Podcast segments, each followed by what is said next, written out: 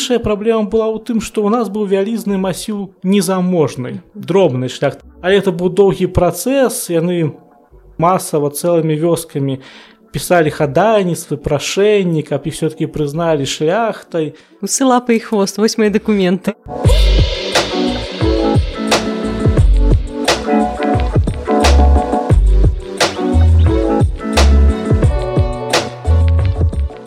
Вітаю шаноўнае спадарства вітаю зноў вас на хвалях падкасту так скалася гістарычна і я яго вядучая дзягельганна Сёння у нас у гасцях ужо вядома вам даследчык архівіст гісторык Яўген глінскі. Вітаю Яўген. Добрый дзень і у мінулы раз калі мы сустракаліся вы расказвалі пра вельмі такую цікавую рэч цікава накіраванне вашай працы гэта даследаванне шляхты 19 стагоддзя беларусі. Так так это абсалютна верно гэта нават на дадзены момант гэта асноўны моя сфера маіх даследаванняў навуках Ну, напэўна шляхта 19 стагоддзя ў такой шырокай масе сваёй вядома працэсам разбору шляхты. Несумненна гэта напэўна нават з падручнікаў добра вядомы працэс пра які павінны ведаць усе тыя хто засвоіў школьную праграму па гісторыі. Ну па меншай меры. Звычайна гаворыцца што разбор шляхта пачаў праходзіць пасля паўстання 30 31 году. Што гэта за працэс і калі ён насамрэч пачаўся?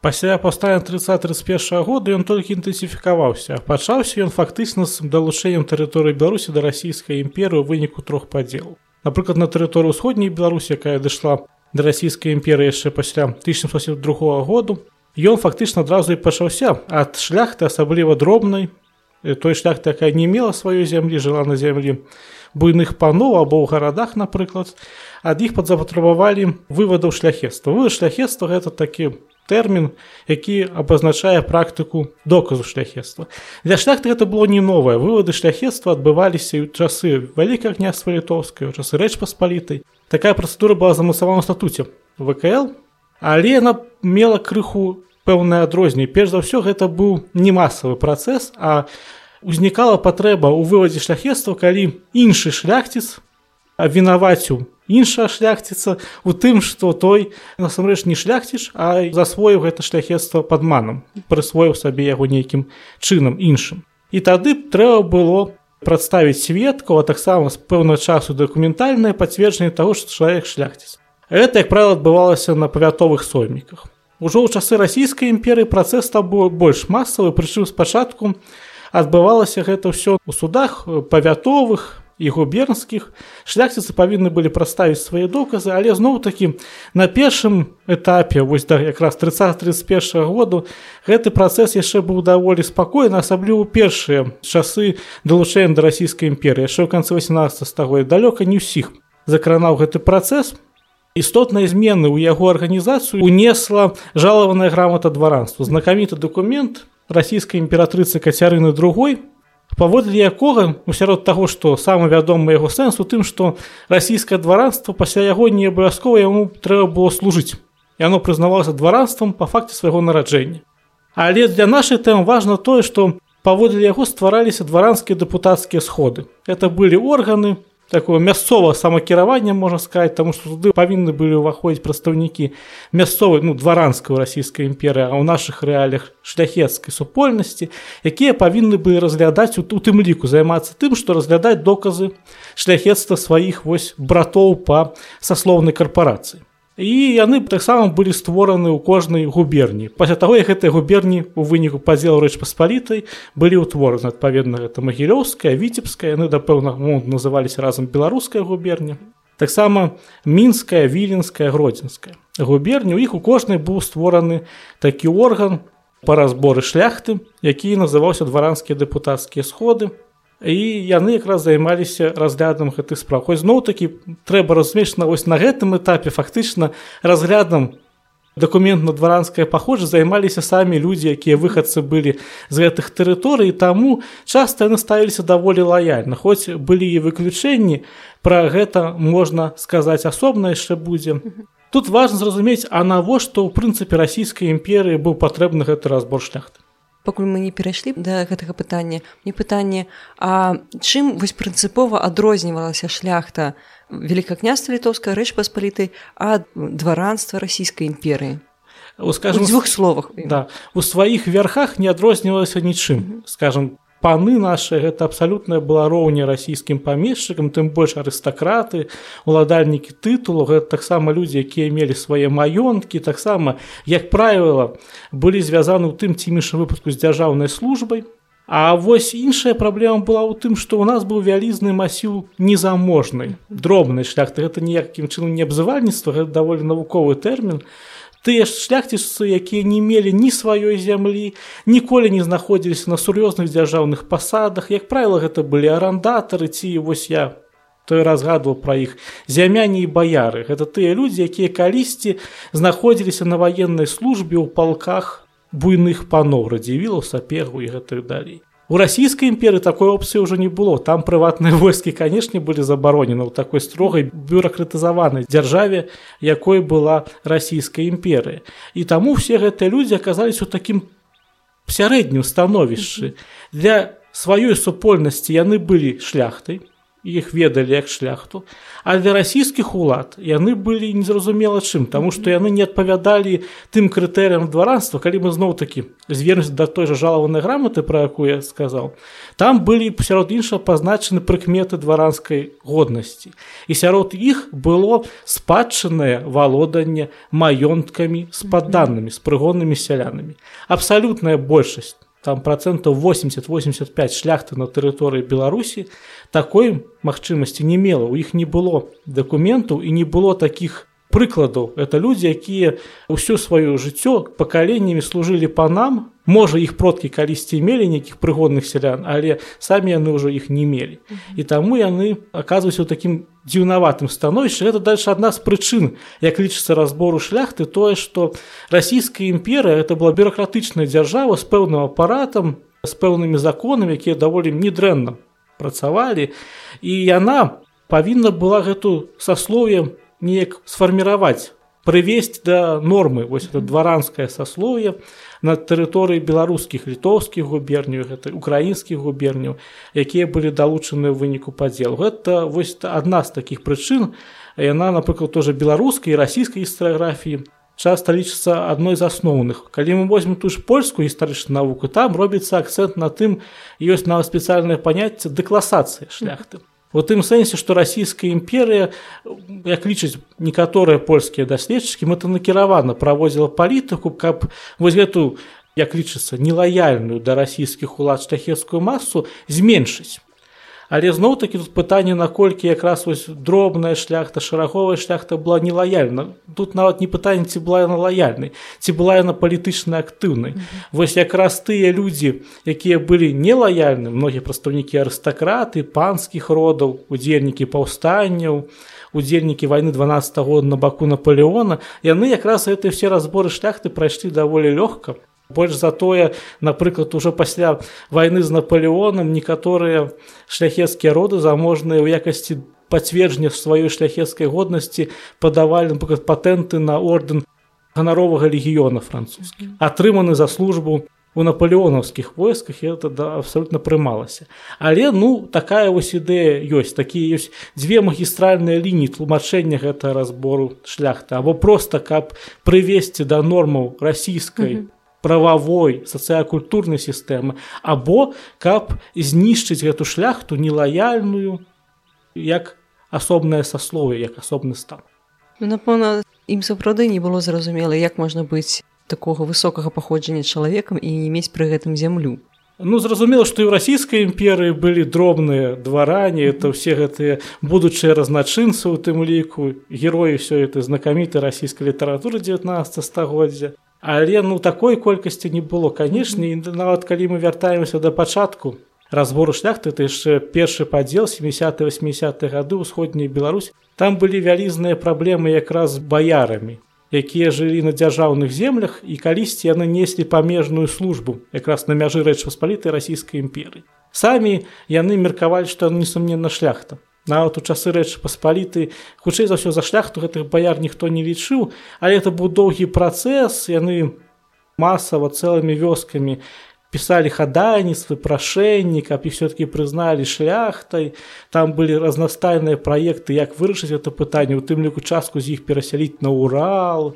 Нават у сярэдзі 19годдзя это быў рэалізаваны праект частка гэтых людзей пераехала якраз ва ўнутраны расійскія губерні нават па сваёй волі. Ну скажем это быў і кансенсус Таму што тут ім немагчым было існаваць а там былі вольныя землі гэтак далей А як адбываўся сам працэс разбору шляхты? Вось сама ну, гэтая працэдура. і так ну, мы ўжо лічым што мы разглядаем сітуацыю пасля 1785 года калі створаны дваранскія дэпутацкія сходы. Mm -hmm. ну зноў такі ў мінска губерняны бы створаны толькі ў канцы 18 стагоддзя калі у самым канцы калі сама мінска губерня узнікла сфарміравалася. Адбываліся пасяджэнні гэта дваранска сходу на які шляхта падавала дакументы Што такое дваранскі сход? Ён складаўся з губернскага маршалка, прадвадзіцеля дваранства. Вось які саварабяніну быў у творах пра Астапа Бэндера, але там ён персонаж камічны. А ў рэальнасці прадвадзіцеля дваранства гэта буйны землеўласнік, лідар вось дваранскай карпорацыі павета або нават губерні. А таксама дэпутаты ад кожнага павета уезда губерні па адным чалавеку таксама як правіла гэта бы былі буйныя землеўласнікі ну можа радзівілы скажем сапегі не асабліва былі ўключаны ў гэтыя працэсы а крыху больш дробна але таксама вельмі значныя заможныя людзі яны былі дэпутаты само сабой гэтыя багатыя людзі якіх было шмат спраў самі гэтай паперкі не чыталі. У кожным дваранскі сходзе была канцыляры канцылярскі аддзел дзе працавалі канцылярысты такія дробныя чыноўнікі якія фактычна і разбіралі гэтыя паперы і вызначалі хто годны дваранскае хазвання хто не а самі гэтыя дэпутаткі подписывалі зразумела что ну маглі по выпадку нейкі там свой голас падаць несумненна за або супраць але ну асноўную работу карпатлівую рабілі гэтыя вось чыноўнікі канцылярыі якія разбіралі гэтыя документы як правіла падаваў документы не адзін з чалавек за сябе за цэлы род. І бывала напрыклад як у слузкім павеце ці ў пінскім дзе былі вялізныя разгалінаваныя роды адначасова падаваліся на дакументы на некалькі соцень асобаў. І ну як это документы выглядалі? Uh -huh. найперш гэта документы якія павінны былі пацвярджаць валоданне зямлёй. Гэта не заўсёды было магчыма як я ўжо казаў Таму выкарыстоўвалі паслугі фальсіфікатару. Якраз у 19 стагоддзі развілася такая сістэма, у якой былі задзейнічаны даволі вядомыя ў гісторыі Беларусі людзі. Калі можна было падрабіць любы дакумент, нават сапраўдная зноў таки это была абсолютно сапраўдная шляхта, але проста вельмі бедная, якая не мела ніколі прыгодных, звярталася да гэтых людзей, яны падраблялі гэтыя документы. Далей трэба было падаць метрыкі абхрышчэння навошта? Каб паказаць сувязь паміж пакаленнямі што ты з'яўляешься сынам свайго бацькі унукам свайго деда і гэтых далей mm -hmm. Таму што зноў такі трэба было паказаць што радавод што ты шляхціц не просто вось зараз ты маеш нейкую зямлю або нейкі статус а што і твае продкі былі шляхціцы mm -hmm. таксама прымаліся разнастайныя пасведчанні ад іншых шляхціцаў про тое што яны ведаюць што цябе як і твой род як шляхціцу. Mm -hmm таксама у расійскай імперы была такая практыка запіса э, правядзення рэвізій рэвізій насельніцтва стварэння рэвізскіх сказак. І вось у першых рэвійскіх сказках на тэрыторыі бярускіх губернях упісвалася і шляхта ў гэтай рэвійскія сказкі. Таму у якасці доказа выкарыстоўвалася ў тым лікі тое што сама расійская ўлада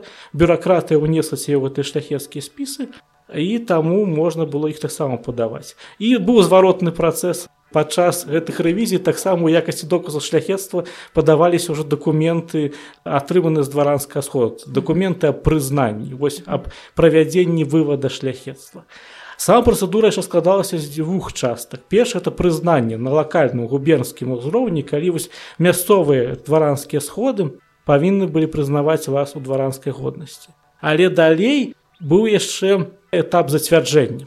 Гэта ўжо ў петербургу там існаваў пры сенаце расійскай імперыі дэпартамент герольды або просто герольды ну, по назве зразумела што гэта за орган.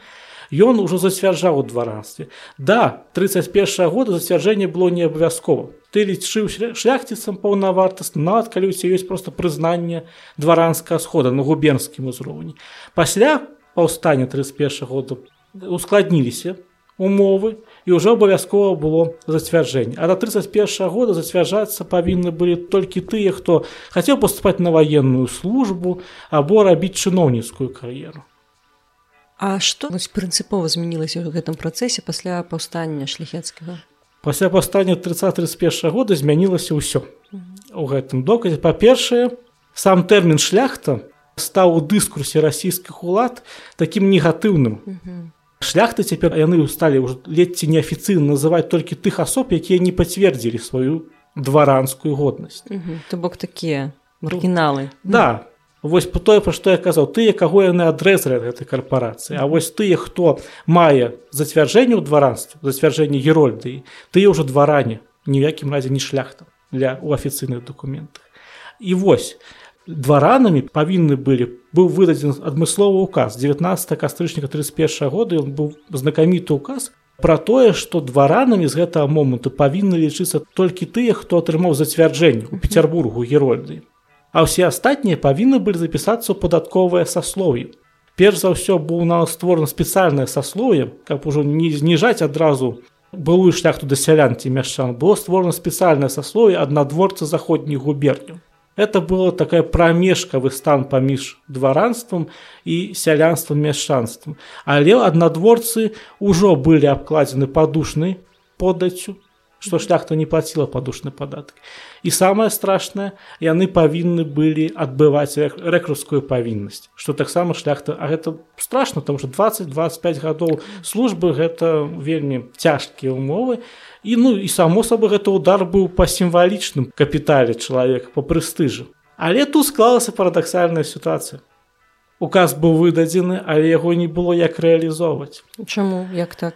Бо аказалось что лічаныя ну у маштабах усіх беларускіх літоўскіх украінскіх губерняў лічаныя людзі мелі зацвярджэнне ў дваранстве. Мноства людзей мела прызнанне ў дваранстве на лакальным узроўні у губернях дваранскімі дэпутацкімі сходамі. Але лічаныя людзі мелі зацвярджэнне бо я знотыкі як як ужо казаў зацвярджэнне патрэбна было да 31 года толькі калі ты ідзеш на службу ну, ваенна або чыноўніцкую тое на чыноўніцку не заўсёды. Вось ваенную так калі ты хочаш рабіць кар'еру ў расійскім войску то абавязкова трэба было атрымаць зацвярджэнне. А цяпер трэба ўжо ўсім а ніхто яго не атрымаў. Таму хуценька здалі назад у 32 годзе выйшла дапаўненне да гэтага казу паводле якога уся былая шляхта вось гэты губерань 9 беларускіх літоўскіх і украінскіх была падзелена на тры разрады У першы разрад былі ўключаны тыя асобы, якія атрымалі зацвярджэнне, з імі ўсё зразумела. А таксама землеўласнікі, памешчыкі, нават калі яны атрымалі толькі прызнанне, ці нават не атрымалі і прызнання, нават калі яны не падавалі дакумент. А некаторыя арыстакраты не падавалі дакументы, яны ігнаравалі гэту практыку. Напрыклад, там некаторыя з радзівілаў, некаторыя патоцкія, яны ігнаравалі гэта сапегі, яны проста ігнаравалі мы занадта класныя каб займацца яшчэ доказам что не ну все все і так ведалі что называется. Яны там маглі ездзіць у варшаву петербург і ўсе еўрапейскія сталіцы а тут трэба ісці якому-нибудь канцелярысту расказваць про тое что ты радзівіл і двараніна ну, ну. так усы лапы і хвост вось мои документы. Так, абсолютно верно. Вось гэта першы разрад да яго скасаваны ўсе пытанні яны лічыліся дваранамі другі разрад гэта людзі якія мелі прызнанне але не мелі зацвярджэння mm -hmm. Вот, і пры гэтым не з'яўляліся буйны памешчыкамі землеўладальнікамі. У такім выпадку яны атрымлівалі права шукаць зацвярджэнне, падаваць дакументы. Эта практыка расцягнулася да 1844 года. яшчэ і пасля яе там можна было працягваць нават да 60-х гадоў некаторыя працягвалі гэты працэс а трэці разрад это тыя хто нават не атрымаў прызнання на ось эту губернскім узроўні дваранскі сходу. Усе яны павінны былі аўтаматычна залічаны ў аднадворцы. Але тут зноў таки здаралася бяда тому что все-таки не было тады такой развітай сістэмы. У ліку насельніцтва і многія у вось ты людзі актыўна ухіляліся ад запісу аднадворца асабліва тыя хто былі арандатары на пераязджалі з месца на месца часта іх вылавіць не было ніякай магчымасці часта іх утойвалі тыя памешчыкі а некаторыя здавалі наадварот Пра гэта таксама будзе сэнс пагаварыць mm -hmm. пра то як ставіліся вось гэты буйныя землеўласнікі да сваіх гэтых братоў не баракаў і гэтак mm -hmm. далей. Таму гэты працэс запісу аднадворца расцягнуўся таксама на дзесяцігоддзі. Нават калі гэта саслоя скасавалі 1868 годзе уже пасля адмены прыгоннага права і пасля наступнага паўстання то некаторыя асобы нават і тады яшчэ не былі запісаны. Ну, вось уласна кажучы як самі шляхцічы адносіліся да вось гэтага працэсу разбору шляхты? Ну калі трэба значит трэба. Зразумела что каб функцыянаваць у грамадстве яны мусілі гэта зрабіць.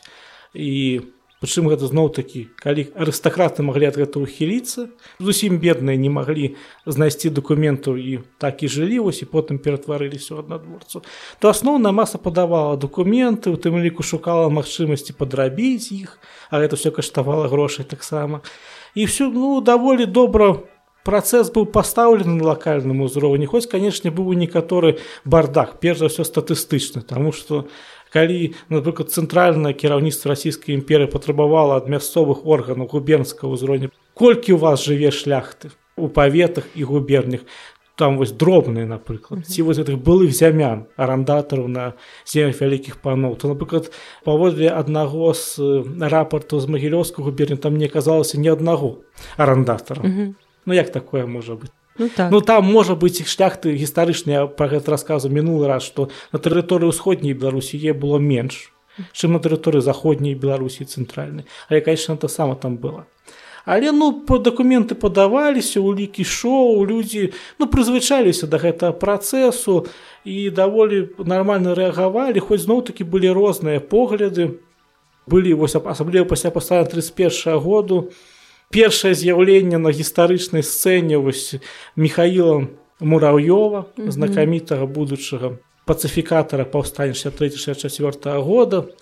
Ён у той момант быў гродзенскім губернатарам ён прадставіў вось калі рыхтаваўся гэты указ 19 кастрычніка калі яшчэ не быў 19 кастрычніка быў толькі праектам ён праставіў максімальна жорсткі праект паводле якога дваранамі былі павінны быць залічаны мінімум былой шляхты. Вось менавіта толькі вы самыя самыя вярхі. Але конечно такі радыкальны проект яшчэ ў 31 годзе адхілілі А як я уже казаў у 32 годзе стварылі магчымасць вось яшчэ шматгадовага доказу шляхетства і многія роды ёй карыстались такой магчымасцю бедная сярэдняя шляхта зразумела трэба значыць трэба яны такія законапаслушныя грамадзяне а вось буйная шляхта як яна рэагавала на гэты працэс? Ну зноў такі апрача там самых галоўных арыстакратаў таксама падавалі дакументы некаторыя праўдароды прамаруджвалі з гэтымі цягнулі да самых там ось некаторыя на 31 год не падалі. Тут можна цікавае пытанне да таго як вось гэтыя буйныя роды памешчыцкія роды ставіліся да доказу шляхецтва людзьмі якія арандавалі ў іх зямлю і гэта uh -huh. далей часта яны гэтаму спрыялі uh -huh. яны ведалі гэтых людзей і дапамагалі ім магчыма нават але ў некаторых выпадках яны спрабавалі гэтых сваіх арандатараў ператварыць у прыгонных сялян uh -huh. вось напрыклад былых зямян былых баяр і тады яны наадварот падавалі пратэсту дваранскія сходы што вось чалавек вось гэты род жыве на маёй зямлі яны не шляхціцы а мае карэнныя прыгонныя сяляне. І, і нават быў цэлы пласт такіх працэсаў працэс аб адшуканні волі аб адшуканні свабоды. Калі вось гэтая дробная шляхта сварылась фактычна сваімі былымі калегамі па саслові тут нават у Праблема была для тых памешчыкаў у многіх маёнтках было вельмі много гэтай дробнай шляхты і яна займала знаеш частку зямлі і сталі тут пражывала і многія памешчыкі зноў такі з улікам таго што яна ўжо не выконвала ваенных функцый для іх яны спрабавалі яе перавесці ў сялянскі стан. Напрыклад можна ўзгадаць такі знакаміты гісторыі беларусі род як род чапскіх уладальнікі станькава яны атрымалі гэта станькава ад радзівілаў і ў якраз у маёнку станькава было вельмі много былых зямян. Вось гэтых былых военных службоўцаў радзівілаў. А самім чапскім это было ўжо невыгадна. Яны многія гэтых былых зямян прымушалі да запісу у сялянскія рэвійскія сказкі да выканання паншчыны гэтых далей. І таму з імі вельмі доўга на працягу десятгоддзя вяліся судовыя спрэчкі. Па-рознаму яны закончылись часта на карысць памешчыка часта на карысць вось гэтага арандатара зямлі. Так што стаўленне было такім двухбаковым. Далёка не заўсёды гэта шляхецкая карпорацыя вытрымлівала гэту праверку сваёй салідарнасці але былі прыклады таго калі буйныя памешчыкі садзейнічалі доказу шляхетства тых людзей якія жылі на іх землях або сваіх далёкіх родзічаў скажем якія хтосьці выбіўся ў людзі ён дапамагаў тады ўсім сваім родзічам. Напрыклад вось так было выпадку ёткаў. Вядом наркевич ётка той роз якого паходзіў вядома вынаходнік. Вось яны былі не вельмі багаты шляхта але адна і галіна служыла радзівілам і выбілася ў людзі. А ўсе астатнія засталіся такімі дробнымі абсалютна арандатарамі на тых жа тэрыторыях это случана гістарычная капыльшчына каля ўзды таксама жылі. І вось яны дапамагалі разам збіралі документы разам іх падавалі хаця гэта былі людзі абсалютна рознага сацыяльнага ўзроўню. Заможны памешчыцкі род і дробныя арандатары якіх аб'ядноўвала толькі паходжанне. Ну так разам весялей і дакументы збіраць як на карту паляка сёння Дзякуй вялікі Еўген за такую вельмі грунтовую цікавую размову але гэта не апошні наш выпуск не апошня наша размова тому што ў наступны раз мы паговорым пра што Мы паговорым пра тое, пра што я ўжо закрануў, як фальсіфікавалі дакументы падчас разборшлях. Я вельмі чакаю гэту размову, таму што менавіта Яўген сваімі рукамі вось гэта фальсіфікацыя бачыць у дакументах у архівах. Таму, як кажуць, не пераключайцеся, подписывайтеся на соцсеткі, ставце калакольчыкі, пакідайце каментары, пішыце водгукі і да пабачэння.